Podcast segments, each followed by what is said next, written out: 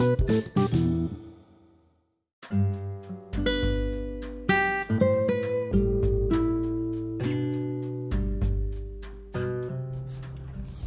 teman-teman, ketemu lagi dengan saya Dieter Nicholas Dan hari ini kita udah sampai di edisi ketiga dari seri pemuritan. Dan hari ini kita akan belajar tentang tujuan dari pemuritan itu sendiri Nah teman-teman, eh, pemuritan dalam Kristus tentu berbeda dengan pemuritan-pemuritan yang lain Tujuan pemuritan di dalam Kristus adalah sangat jelas, yaitu menuntun orang pada keserupaan akan Kristus, baik secara karakter ataupun buah yang dihasilkan, serta melatih orang untuk menjala manusia, yaitu memuridkan orang lain lagi. Nah, tanpa adanya dua tujuan tersebut, maka pemuritan yang kita lakukan sudah melenceng. Cukup banyak orang yang menjadikan pemuritan sebagai sebuah media curhat. Banyak orang berpikir kalau dia dimuridkan artinya dia baru saja mendapatkan fasilitas buang sampah kepada pemuritannya. Sehingga yang dia lakukan hanyalah sekedar curhat dan mencari sandaran emosional semata. Dan cukup banyak pula yang menjadikan pemuritan sebagai sebuah hubungan happy-happy belanja bareng, hangout bareng, makan-makan bareng, traveling bareng, dan melakukan hobi bareng-bareng. Tentu saja, itu semua bisa menjadi metode dan bentuk dalam memuridkan. Tetapi kalau tidak ada pelatihan dan tuntunan untuk orang menjadi serupa seperti Kristus dan menjala manusia, maka kita tidak ada bedanya dengan komunitas-komunitas sosial yang ada di luar sana.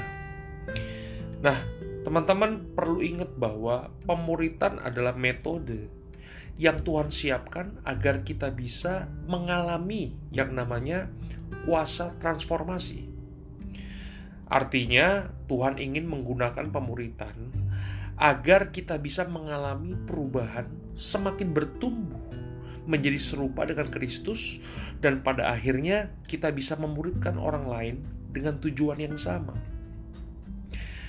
Jika kita mengganti tujuan ini dengan hal yang lain, misalnya ketika kita menjadikan pemuritan Kristen sebagai media untuk belajar bisnis, untuk belajar mengatur uang, belajar skill tertentu, tanpa di dalamnya ada proses menjadi serupa dengan Kristus dan menjadi penjala manusia, maka pemuritan yang kita lakukan menjadi pemuritan yang akan serupa dengan dunia ini, bukan dengan serupa dengan Kristus. Itu sebabnya kita tidak boleh terjebak kepada apa aktivitasnya atau bentuknya. Yang perlu kita fokuskan adalah ke mana ujung hubungan ini.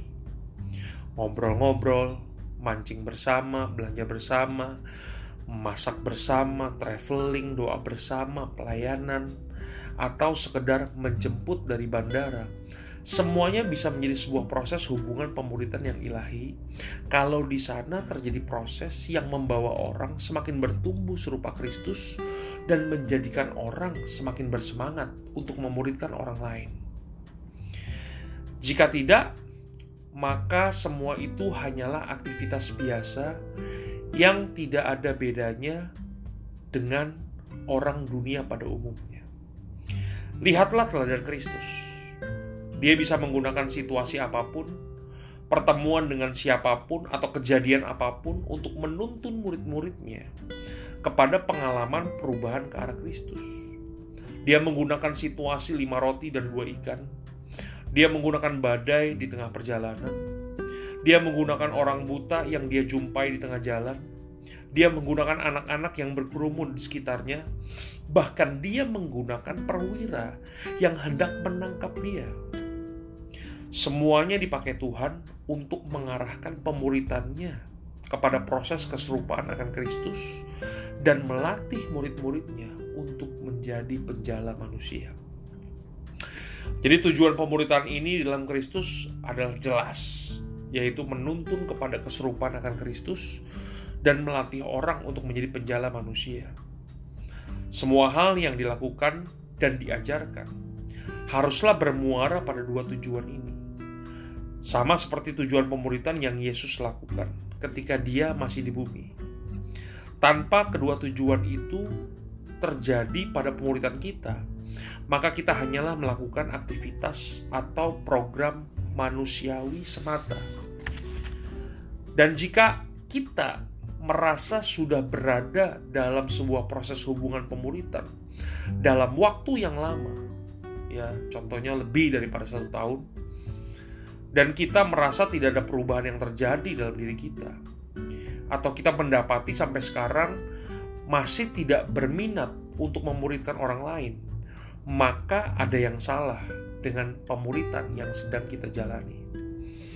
Karena pemuritan yang sesungguhnya sangatlah penuh kuasa.